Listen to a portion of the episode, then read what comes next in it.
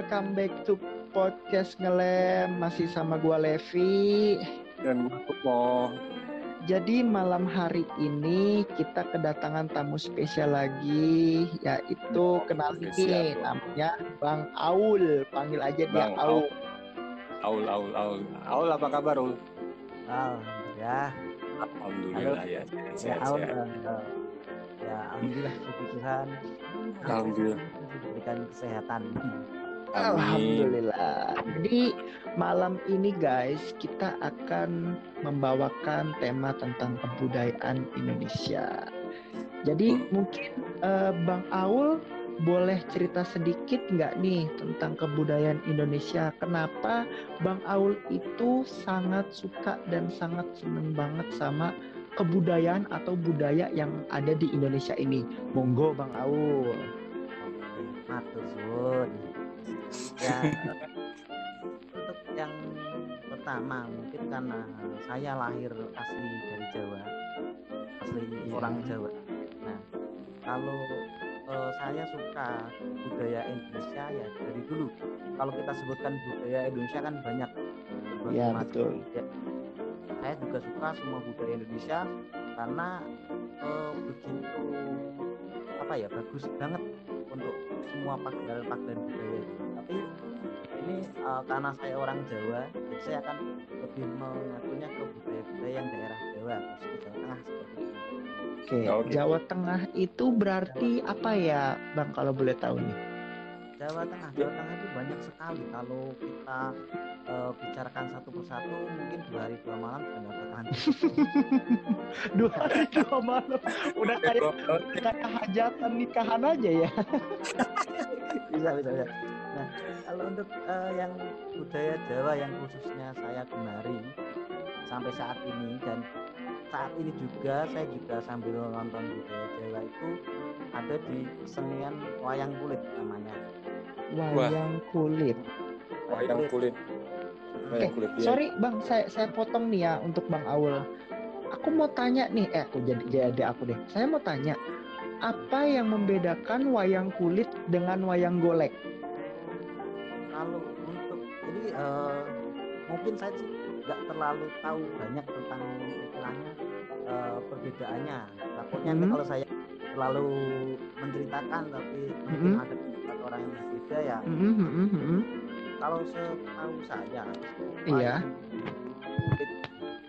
Perbedaannya yang pasti jelasnya kan dari bentuk bentuknya. Oke. Okay. Bentuknya dan bahannya. Kalau dari namanya pun udah beda. Kalau wayang kulit itu dari kulit sapi. Okay. Dari kulit asli, mm -hmm. kulit asli. Ya. Kayak itu yang dikeringkan dibentuk-bentuk menjadi tokoh-tokoh wayangan seperti. Yeah. Pendahulu itu atau itu kalau wayang golek kan itu kebanyakan dari bahannya kayu. Oh. Dan kalau golek dari Jawa Barat ya kayaknya ya. Nah, kalau wayang golek dari Jawa Barat, Jawa Barat tapi kebanyakan karena uh, wayang itu semuanya kan punya Indonesia jadi kadang di Jawa Tengah pun dimainkan kayak gitu kan. Dari segi cerita sama nggak? Kalau dari segi cerita sebenarnya sama, hampir sama. Ada cuman beda di bahasa kan? Nah, kayak gitu ada Mahabharata kayak gitu. Sebenarnya ada cuman di bahasa kan beda di dalam bahasanya. Jadi uh. ya mungkin kalau seandainya kita telah ah benar-benar itu sebenarnya hampir-hampir sama karena kalau wayang itu nggak hanya ada dua wayang boleh wayang apa namanya? Wayang kulit, wayang kulit. tapi ada wayang namanya rumput wayang serangga. Wayang suket. Wayang suket. ada wayang suket ya? Nah itu ah wayang suket. Kalau dalam bahasa Jawa itu wayang suket saya pernah wayang sekali itu dimainkan uh, oleh orang Jawa. Tapi tapi pakai bahasa ada orang Tegal ada orang Jogja juga. Tapi pakai oh orang Jogja juga ada. Iya iya iya. Gitu. hmm. wayang wayang sungket tuh apa ya wayang suket suket itu rumput rumput. Biasa Indonesia rumput suket itu rumput. Jadi oh. dia rumput dari rumput dibentuk-bentuk sampai bentuk satu karakter tertentu itu oh. Oke oke oke paham. Bang Aul nih uh, saya mau tanya kan biasanya ya mungkin nggak cuma wayang golek dan nggak cuma wayang kulit aja gitu kan yang dimainkan di Jawa.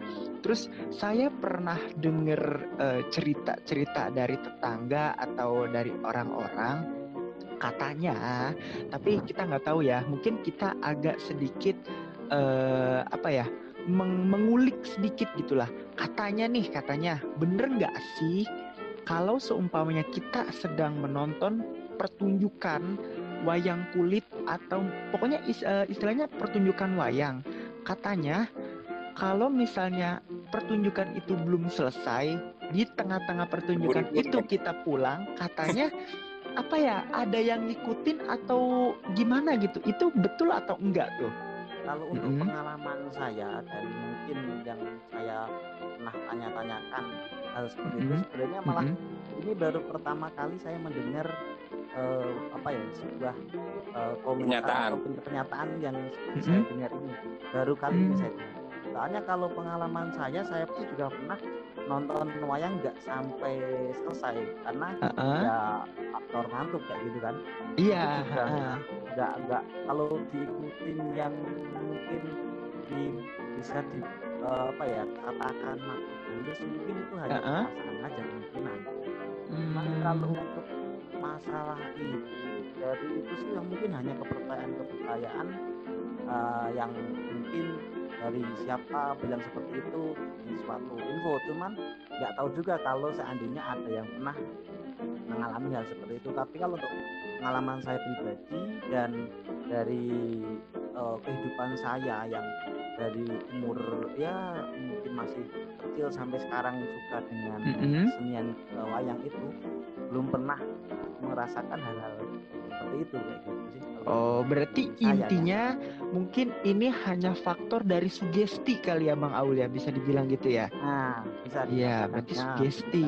Berarti mungkin bisa dikatakan seperti itu karena apa ya namanya kita ya emang kalau seandainya dalam pertunjukan wayang atau kesenian mm -hmm. uh, di Jawa khususnya itu setiap pertunjukan pasti ada mengandung sesuatu mistis mistis atau mm. klenik mas ya? Pasti ada. Klenik.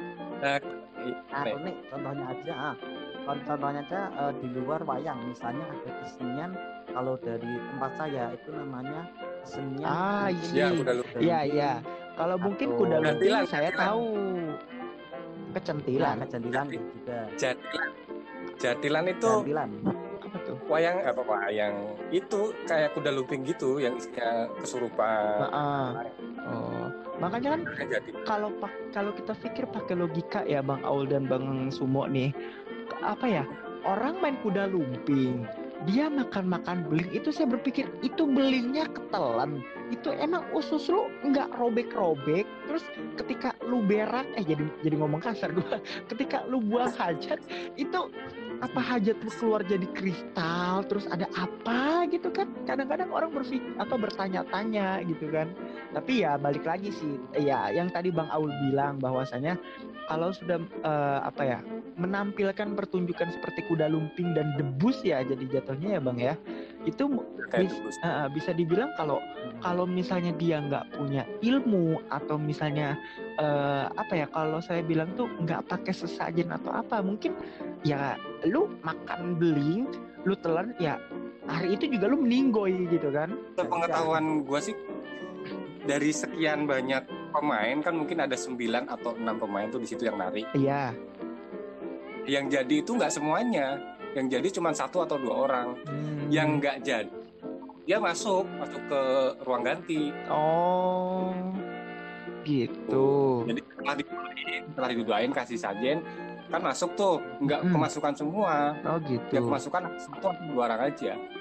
Kalau misal ada yang ada yang pura-pura juga kemasukan ada. Cuman nggak sampai makan beling. Kalau sampai pura-pura terus dia makan beling seru juga kali ya. Heh perutnya berdarah. Heh perut perutnya oh, perutnya sobek gitu ya. Lucu kali ya.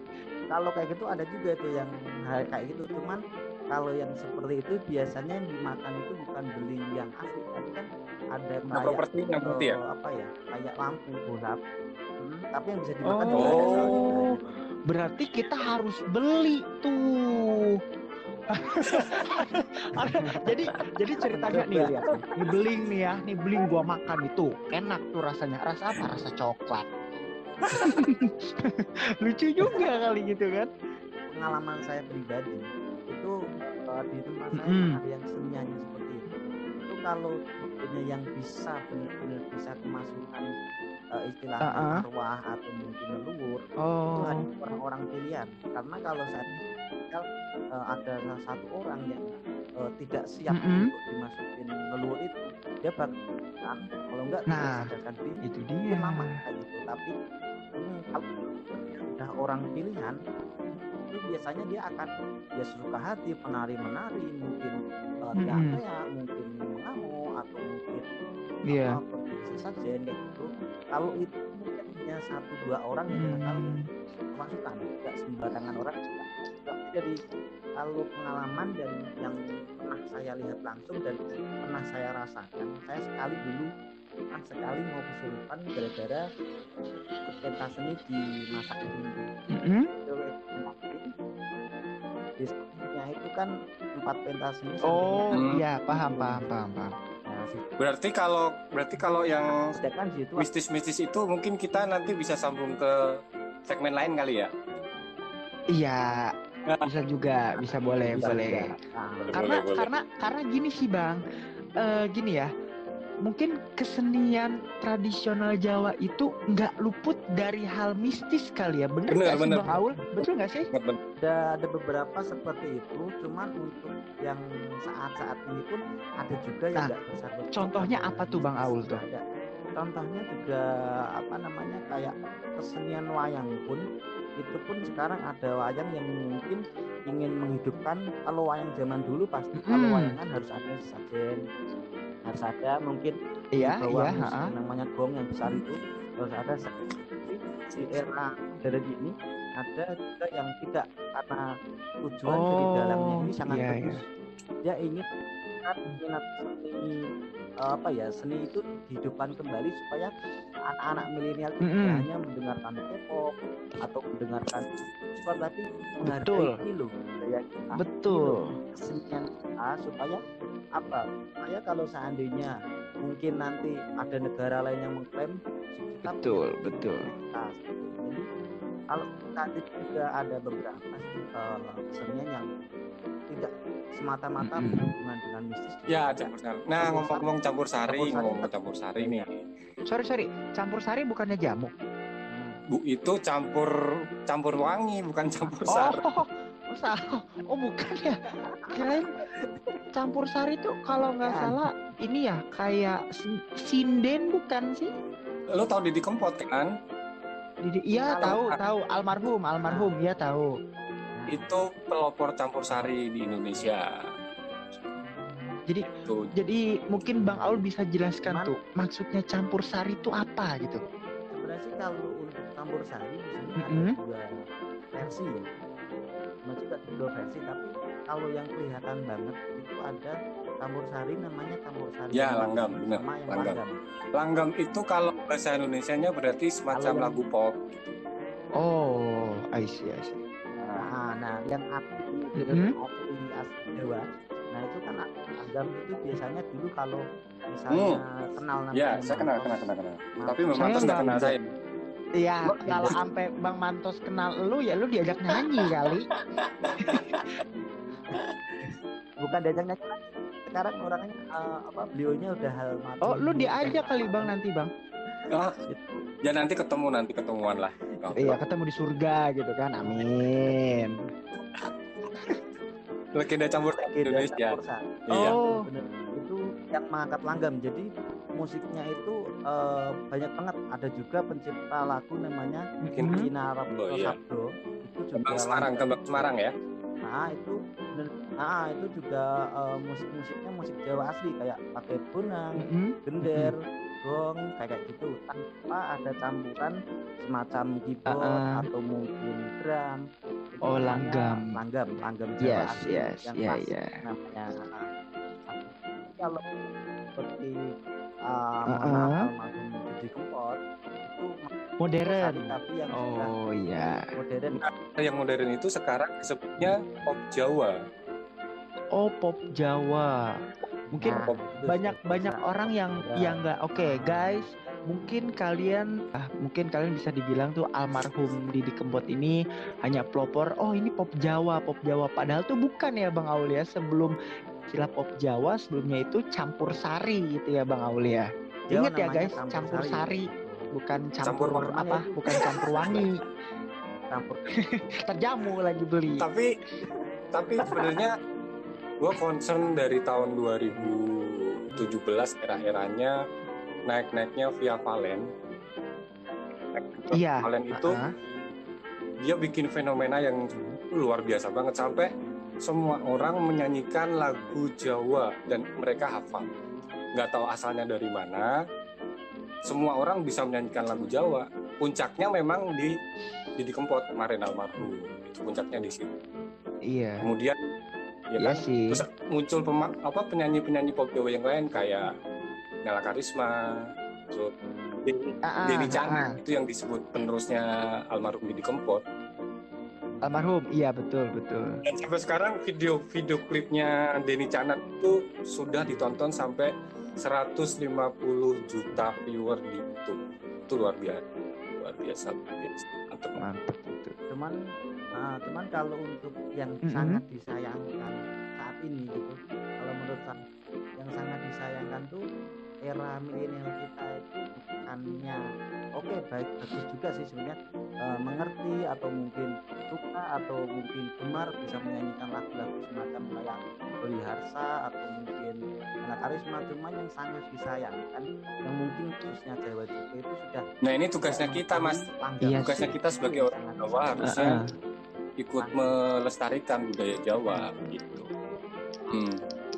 soalnya sekarang kalau seandainya kita tanya ke mungkin ala mana eh, tahun-tahun 2000-an atau mungkin zaman sekarang tanya langgam lingsir wengi atau mungkin langgam jadi ating atau Aku jeruk. bisa yang Rujak jeruk orang tahu itu kerungu mas. rujak. Sumpah, jeruk rujak itu rujak jeruk rasanya apaan? Jeruk dirujak oh tapi kalau Lingsir Wengi kan juga di dikonotasikan sebagai pemanggil setan ya? Nah itu dia. Oh beda versi? Atau Ah, gimana beda. mas? Beda beda. Untuk yang lingsir wengi pemanggil setan itu saya malah tahu taunya semenjak ada film-film horor sebenarnya.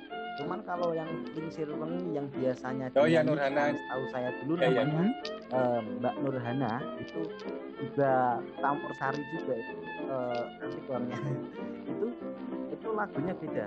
Itu Bu- lagu menghibur. Oh. lagu untuk eh, memanggil setan atau kalau itu bukan bukan. Yang saya maksud bukan yang itu tapi wengi yang benar-benar itu lagu campur sari Jawa. Gitu. seperti hanya kayak eh, langgam rujak jeruk. Juga cuman kalau untuk yang eh, lingsir wengi pemanggil setan saya masih sebenarnya belum Karena- denger malah Budaya- Oh, berarti Bang Aul harus dengar. karena emang budaya Jawa itu apa eh, kecenderungan emang hubungan dengan klenik ya kayak keris kayak keris juga kan katanya ada isinya kan Ya, ya. ya ah, Mungkin benda-benda pusaka kali ya Bang Pusaka. Aul ya. soalnya kan ya benda pusaka seperti keris kayak gitu itu suatu apa ya eh, itu eh, punyanya Jawa punyanya Indonesia Iya, yang betul. benar-benar harus dijaga saya pun juga punya. Walaupun eh, keris Uh-uh. saya juga bukan yang mistis tapi saya juga saya juga ada belangkon ada semacam pakaian Jawa namanya sorjan kayak gitu. Itu juga Dengan baik, ya? saya simpen saya simpen dengan rapi dengan penuh apa ya? Mm, dengan baik karena saya eh, saya lahir di Jawa saya lahir di Indonesia yang notabene banyak bang budayaan yang harus kita jaga sampai sampai Iya klaim contohnya kayak Diklaim. Iya. Diklaim sama sama tetangga atau sama tetangga. itu Iya, sebelah itu. Tetangga kita yang sebelah itu nah itu kan ah, giliran diklaim pada Mm-mm. bilang wah ini harus digini digini ternyata pas kalau seandainya nggak diklaim mungkin juga nggak banyak orang kita Iya, betul. mengaku, oh aku bangga pakai makanya saya juga mengajak mungkin ya mengajak atau mungkin bisa kita jagalah budaya kita yang ya karena mungkin waktu itu saya pernah dengar juga Bang Aul bukan hanya batik tapi kesenian Reok Ponorogo. Mungkin Bang Aul tahu. Hmm. Itu pun sem itu pun sempat nah, diklaim sama si nah, tetangga itu. Ya. dan itu kalau nggak salah sebelum diklaim itu mereka justru memperkenalkan si Reo Ponorogo ini dulu di si tetangga jadi setelah diperkenalkan mungkin nggak nggak terlalu lama ibaratnya hanya diperkenalan singkat terus uh, dimainkan gitulah dimainkan akhirnya ditonton banyak orang dan di situ langsunglah uh, seperti diklaim dan di, justru dia malah ingin membuat hak cipta. Nah, tapi akhirnya ada uh, mungkin warga kita yang mengetahui ya, maklumlah namanya sekarang kan uh, era milenial. Jadi kalau sekali kita menyebarkan berita di sosial media, pasti seluruh dunia akan tahu. Nah, akhirnya ya udah kita barulah bertindak. Ya. Padahal sangat disayangkan banget ya, gitu ya. Ya itu sebenarnya kayak apa ya sesuatu yang kita miliki yang harusnya kita rawat ya kan kita rawat hmm. ketika diambil orang lain kita marah-marah kan jadinya gimana kan? Kemarin nggak kita rawat hmm. tapi pas orang kita marah kan nggak bisa kayak gitu. Iya. Iya kok jadi kayak podcast kita yang kemarin ya? Selingkuh itu indah. Tayang ya harus di itu gitu. Soalnya kalau untuk yang masalah kayak apa di klien-klien. Sekarang mungkin nggak banyak orang tahu atau mungkin nggak banyak era milenial yang tahu. Itu sekarang oh, udah iya. banyak uh, sinden iya iya iya iya. Orang betul betul. udah jadi sinden. Is, itu itu justru betul. yang di situ banyak pertanyaan uh, dari saya gitu bang Ol jadi gini ya di kita sendiri, maksudnya di Indonesia sendiri, itu mungkin jarang orang yang menginginkan jadi sinden. Mungkin saya sempat baca-baca di beberapa artikel dan saya sempat uh, menonton tayangan tayangan-tayangan yang uh, apa ya mengenai sinden tersebut. Karena kalau yang saya baca dan saya lihat itu kayaknya syarat untuk menjadi sinden mungkin satu uh, repot ya atau ribet gitu. Maksudnya ya ada aja lah aturannya seperti begini begini begini. Tapi yang saya sayangkan itu adalah sinden-sinden sekarang ini tuh ya kulitnya kulit kulit putih gitu loh. Dan dan dan yang saya yang saya kagum lagi mereka bener-bener fasih loh. Mengucapkan atau uh, apa ya menguta uh, ya menyanyikan lantunan-lantunan tuh lagu Jawa. Ih super banget. Pokoknya deh keren banget asli. Dan mereka semua cantik-cantik ya? Jadi sinden itu nggak ada yang jelek. Cantik-cantik ya, beneran super nah itu itu dia. Itu dia. Padahal sinden itu bisa dibilang ya usianya nggak nggak muda lagi jadi mereka tuh ya apa ya umurnya mungkin kisaran hmm. kepala tiga atau ya kepala dua ke atas hmm. gitu kan ya eh, minimal kepala apa kepala tiga ke atas dah gitu kan tapi yang saya lihat dan yang saya tonton uh, berita mengenai bukan cara kali ya syarat menjadi sinden itu saya lihat sampai ada dia mandi begini terus dia harus begini jadi uh, kalau saya boleh bicara tuh apa ya ya memang ribet tapi pada akhirnya ya apa ya orang-orang melihat mereka tuh yang nggak ada jelek-jeleknya sedikit sama sekali terus gak, ada lagi katanya katanya Justru. dari beberapa sinden katanya ini kalau gue salah tolong dibenerin ya banyak yang pakai susu hmm. katanya kayak gitu bener nggak sih bang Ol? kalau untuk masalah itu tuh sebenarnya sih banyak apa ya mungkin ada beberapa komentar nih asik netizen uh, mungkin ada komentar orang yang hmm. mungkin uh, ada yang emang pakai tapi ada juga uh, yang enggak soalnya gini hmm.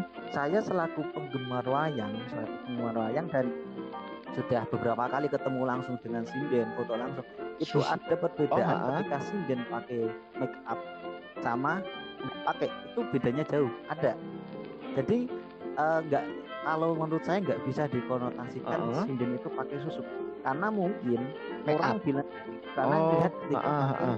pakaian Jawa atau make up. Tapi nggak tahu ketika oh jadi uh, kayak natural biasa gitu, kayak iya, gitu iya. itu juga ada macam. Nah, nah soalnya di sini juga yang saya selalu perhatikan saya kan juga mengikuti salah satu hmm. dalam dalam milenial katanya. Dalam seno dalam seno dalam seno tren yang mungkin kalau saya mengikuti itu adalah dalam favorit saya. Nah di situ sindennya pun cantik-cantik. Tapi juga ada beberapa sinden yang waktu make up cantik tapi di belakangnya juga ya Hmm. biasa orang biasa kayak gitu juga banyak. Jadi kalau yang eh, tadi dibicarakan kalau sinden rata-rata memakai susu Maksudnya kalau kurang susu saya sih ini kurang kurang susu. Kurang kurang susu. susu kurang Maksudnya pakai susu itu biar dia dapat job terus mas. Gitu maksudnya. Bukan untuk dia cantik atau apa gitu. Biar laku lah. Kalau itu sih sebenarnya kalau untuk di era-era sekarang apalagi zaman modern itu sebenarnya kayak gitu sih nggak terlalu terlalu berlaku sih ya. Soalnya contohnya aja kayak yang eh, sindennya Pak Seno tadi yang dibilang yang Iya, namanya. Elisa Ors harus Oh, iya. Alaso itu Orang- benar, aja benar. orang Jawa itu Orang- kan. Itu apa bukan Australia orang oh campuran Nah, itu Orang Flores, orang Flores. campuran. Ah, bukan, itu orang Indonesia sebenarnya sih, cuman Oh bukan bukan itu Eh, orang di yang mana ya kemarin itu ya? kena Saya lupa tuh. gempa itu mana itu ya? Sulawesi. Eh, ah iya iya Sulawesi Sulawesi kalau Sulawesi kalau nggak salah. Orang tuanya eh, orang tuanya antara Ja- Indonesia dan orang luar pokoknya itu. Nah, kenalnya bukan karena susu atau bukan karena cantikannya, cuman Mhm. karena dia bukan orang Jawa tapi oh. mau sekolah menjadi iya iya. dalang, menjadi dalang. Dia dan Sinen-sinen dalang asli. dan suaranya pun Hmm. mengalahkan suara dari sinden asli Jawa. Itu yang saya tenar. Nah jadi kalau eh, menurut saya sinden mungkin ada. Mungkin ada ya maaf maafnya mungkin kalau seandainya beberapa sinden pakai susuk supaya laku mungkin ada. Cuman kalau kebanyakan sih kalau menurut saya sih jarang yang Oh. seperti itu soalnya kalau sinden Oh. biasanya ke bawah sama dalangnya juga nah, kalau dalangnya laris ya bakalan sindennya laris apalagi sinden dan dalang tiktoknya itu dapat Mm-mm. cara bicaranya cara bercandanya terus bermasyarakatnya itu bakal laris seperti ya contohnya yang saya bilang tadi Mm-mm. seperti eh, Mbak Elisa itu dan yang perhatikan sangat itu yang namanya sindennya Pak Seno itu juga nggak cuma Mbak Elisa yang sekarang terus tenar ke atas karena dari satu persatu mereka mengeluarkan ciri khas Jawanya cinta akan eh, budayanya dan bisa menghibur akhirnya banyak orang yang suka kayak gitu akhirnya Oh gitu. ya hampir semua Hmm, sindennya Pak Seno terkenal sih gitu. sekarang menurut terus saya. ini bang gitu, kalau- saya mau tanya nih Nah. kalau misalnya jadi sinden apakah harus sorry ya bukannya saya eh, gimana ya bukannya saya meng apa sih pokoknya gini apakah harus yang usianya di atas atau yang bawah juga boleh menjadi sinden gitu kalau sinden itu sebenarnya nggak harus nggak harus nggak harus sekarang umur Mm-mm. harus Mm-mm. udah menginjak 30 tahun atau gimana soalnya banyak juga sekarang itu namanya nggak bukan sekarang Sini, sih. Apa-. Jadi banyak juga yang sinden cilik terkenal itu sopo kan. sebenarnya? Ya, kalau aku. tuannya apa? Kalau sinden cilik se- eh, yang agak terkenal lumayan Yang orang Jawa Timur, banyak yang juga orang Jawa Timur. kalau untuk sinden eh, apa namanya? Heeh. yang orang Jawa. Timur. Saya mah nggak. Kalau sinden cilik nganu malah nggak nggak nggak terlalu ini malah. Nah, cuman kalau menurut saya sinden sinden itu bisa dari cilik karena kadang ada keturunan keturunan Dalam. dari Ah. mungkin bapaknya Dalang. seorang Heeh. apa namanya eh, dalang atau Jangan atau Niken, mungkin Niken. karena Nah, ibunya itu sinden dia, contohnya Niken. kayak si Eh. Niken namanya itu itu ada Niken.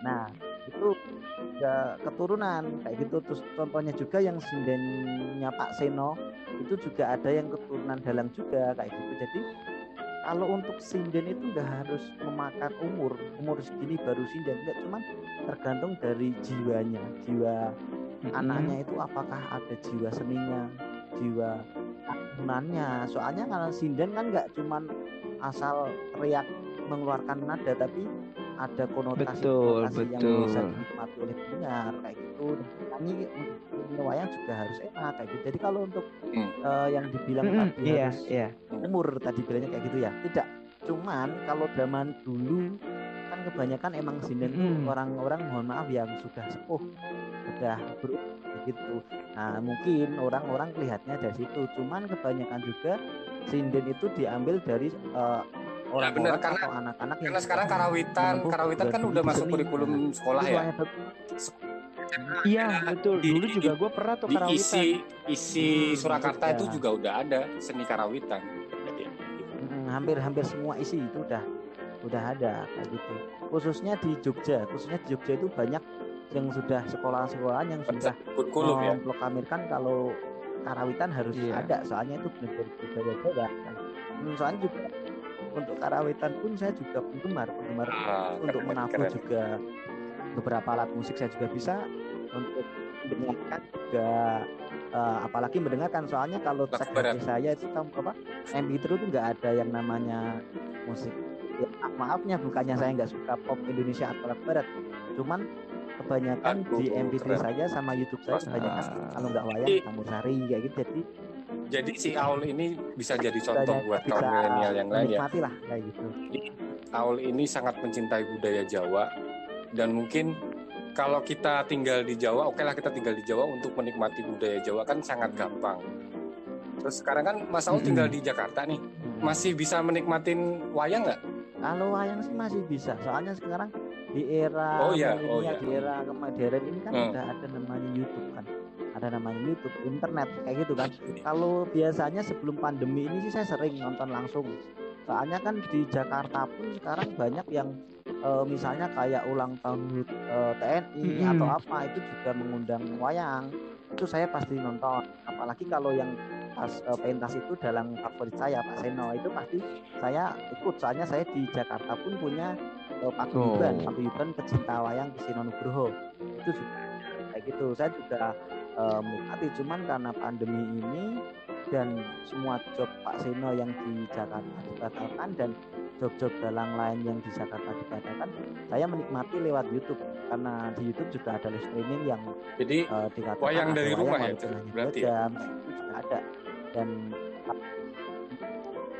oh wayang. Ah, kalau wayang dua yang dinamakan wayang Wayang online kalau gue bilang begitu itu saya bang. nikmatin dari YouTube itu ah, wayang online sekali itu juga sudah sangat betul, betul, rindu Oke, mungkin kita sudah di penghujung podcast. Nah, untuk Bang Aul ada nggak nih wejangan untuk para pendengar kita gitu kan buat mereka yang mungkin eh, apa ya kaum milenial zaman sekarang yang mungkin Bang Aul paham lah, Bang Aul ngerti lah. Sok monggo Bang Aul. Kalau untuk pejangan mungkin eh, pesan dari saya jangan sampai kau Waduh. mencintai orang lain tapi tidak mencintai keluargamu sendiri.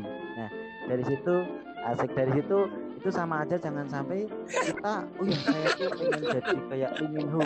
Saya pengen eh, jadi kayak apa namanya? eh, saya jadi pengen kayak seperti Sarukan lagunya bagus. Boleh, boleh kita mengagumi orang lain, tapi jangan sampai lupa mengagumi budaya, mengagumi budaya kita sendiri. Soalnya budaya kita itu budaya yang sangat besar, budaya harta karun dari nenek moyang kita yang harus dijaga. Jangan sampai kita keluar-keluar atau jangan sampai kita eh, maju kalau sudah diklaim orang lain. Tapi kita jaga, kita jaga dan sampai jangan sampai Oke betul. Mungkin lain. dari Bang Sumo gitu sendiri ada Kalau dari nih? saya mungkin hampir sama dengan Aul ya. Jadi kita sebagai Hmm. orang Indonesia khususnya orang Jawa harus bisa apa istilahnya nguri-uri budaya Jawa. Bener nggak mas? Ah, budaya Jawa. Ya betul. Muri-muri budaya. Nguri-uri Artinya itu melestarikan. Nguri-nguri itu melestarikan. Oh melestarikan. Iya. Nguri-uri melestarikan. Oke, kalau dari gue sendiri, guys, buat kalian, gini, kalian itu sekarang tinggal di mana? Di Indonesia, ya kan? Orang-orang luar ada yang mungkin liburan di Indonesia sampai akhirnya mereka menetap di Indonesia dan nggak dipungkiri ketika mereka melihat kebudayaan Indonesia sendiri kenapa mereka bisa cinta dengan budaya kita yaitu dia karena satu kita itu istimewa kita itu unik tapi kenapa kita susah banget untuk mencintai dan melestarikan budaya kita sendiri? So apalagi kalian sekarang udah anak eh, namanya zaman-zaman milenial kayak gini bisa lebih gampang. Beda mungkin sama eh, apa seperti orang dulu. Mungkin pesan dari gua itu pokoknya tetap lestarikan kebudayaan Indonesia, jaga terus kebudayaan Indonesia, jangan sampai diambil baru lo koar-koar. Jangan kayak Betul, gitu. Dan diambil koar-koar. Giliran apa namanya punya kita, ya udah emang punya kita gitu kan, diem-diem aja. Oke, mungkin uh, podcast hari ini cukup sampai di sini. Sampai ketemu nanti di podcast podcast eh podcast podcast berikutnya. See you next time. Bye bye.